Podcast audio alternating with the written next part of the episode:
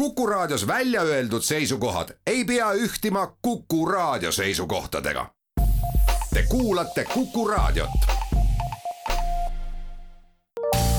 terviseks. saade valmib koostöös Ida-Tallinna Keskhaiglaga.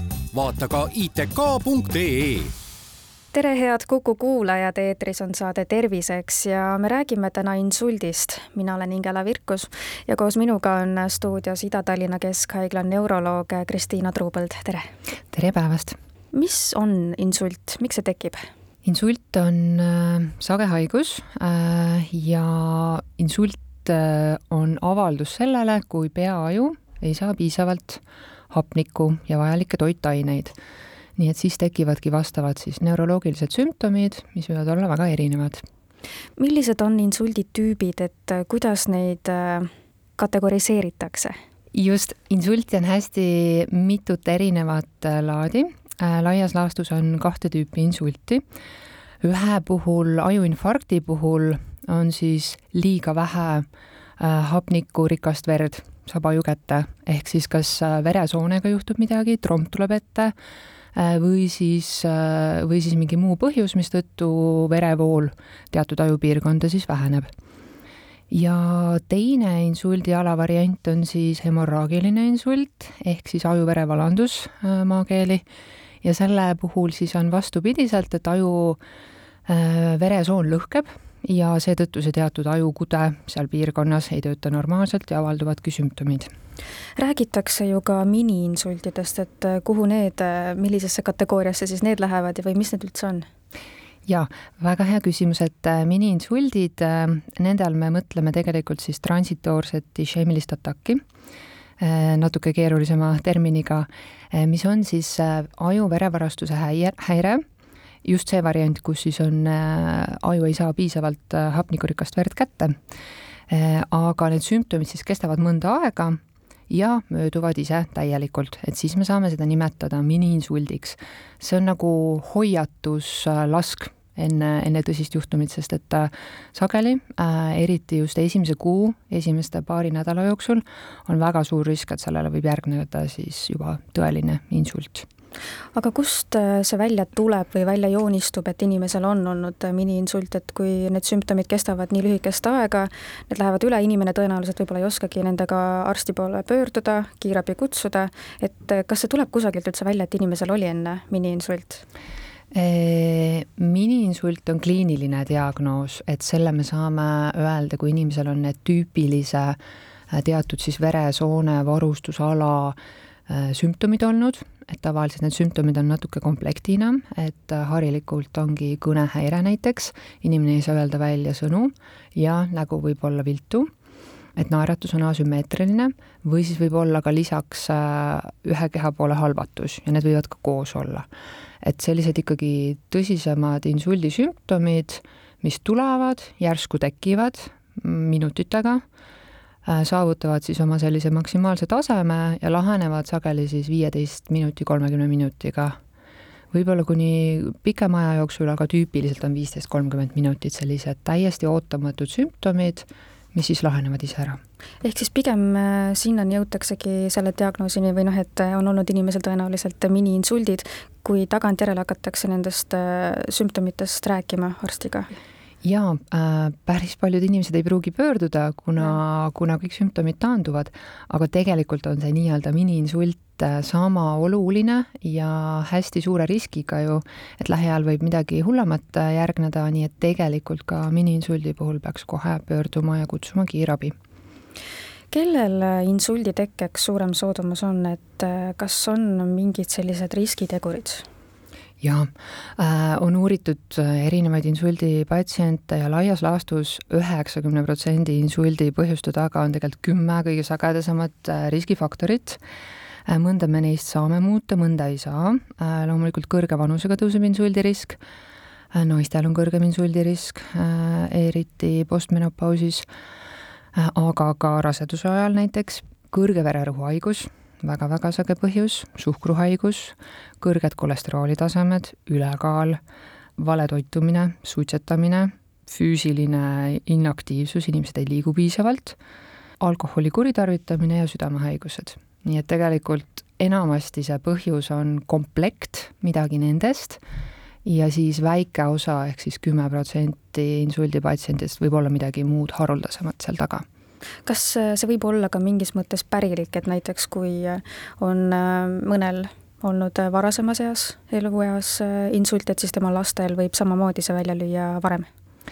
jah, noores eas insultide patsientidest, kui neil ei ole neid tüüpilisi riskifaktoreid, kuigi üha enam on noortel ka need klassikalised riskifaktorid, ehk seesama ülekaal, suhkruhaigus, suitsetamine, äh, ebatervislikud eluviisid, aga kui seal taga on mõni muu äh, faktor äh,, siis osad neist võivad olla geneetilised, aga pigem see on väiksem, väiksem osa äh, insuldipatsientidest.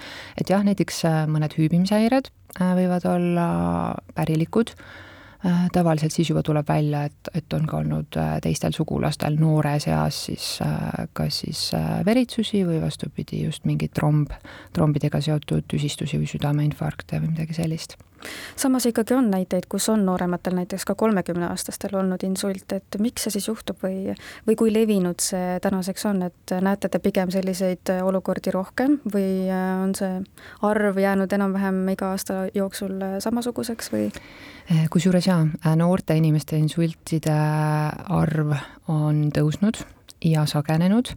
Äh, miks sellel on äh, välja pakutud laias laastus kolm sellist põhjuste gruppi esiteks on see, et meie tänapäevane elu on ikkagi soodustanud ebatervislikke eluviise ja üha rohkem on narkootikumide tarvitamist, mis ka samamoodi äh, teatud ained siis soodustavad äh, ajuinfarkti teket, aga ka hemorraagilist insulti võib anda.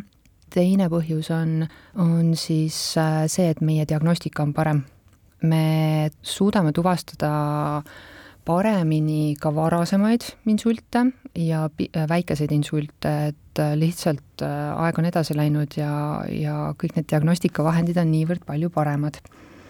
ja ilmselt ka teadlikkus, et inimesed pöörduvad varem, äh, pöörduvad äh, õigete sümptomitega, ka väheste sümptomitega ja selles suhtes on meil palju nagu vaja veel ära teha, et kahjuks siiski kõik patsiendid ei jõua õigel ajal, meil on muidu ravi ju pakkuda paljude patsientide puhul on vist see, et nad mõtlevadki, et äh, sümptomid lähevad üle, et ma ei hakka kiirabi tülitama, et äh, küll saab korda ja läheb üle, et nad ei oska kuidagi siduda seda vist äh, insuldiga ja ei oska võib-olla ka arvestada sealjuures seda, et aeg mängib siin väga olulist rolli. just, terviseteadlikkust oleks vaja väga-väga palju tõsta sellel teemal, et ka noored inimesed sageli ei tea, millised on insuldi sümptomid, aga pigem me näeme seda eeskätt jah, just eakamate inimeste puhul, et ilmselt ei ole sellest teemast piisavalt ka meedias räägitud või siis ka koolist nii-öelda seda tavalist infot kaasa antud kuskilt.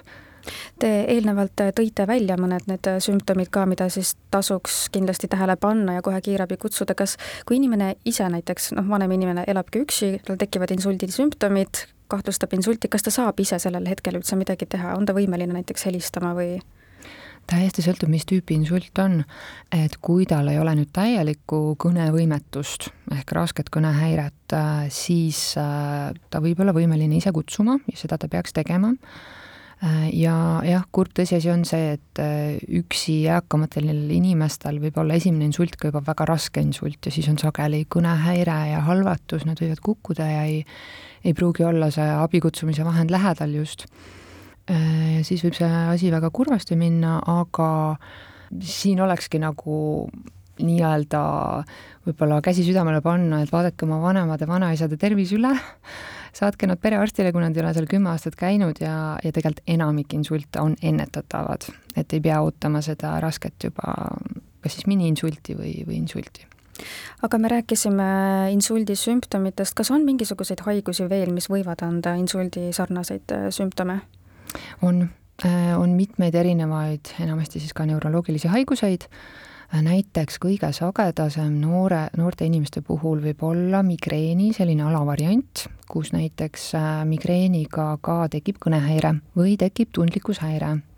Migreeni puhul see tundlikkushäire on isegi päris sage, see on selline aura üks alavariant, kus siis tekivad sellised nagu sipelgad, tavaliselt algavad sõrmedest äh, või huulest, äh, näopiirkonnast, keelest ja nad siis levivad enamasti siis sõrmedest tasapisi viieteist minuti jooksul näo, näo ja suurpiirkonda. ja siis võib järgneda juba siis migreeni peavalu ja teised migreeni sümptomid nagu valguskartlikkus, helidekartlikkus ja, ja, ja selline tugev äh, iiveldus, oksendamine samamoodi.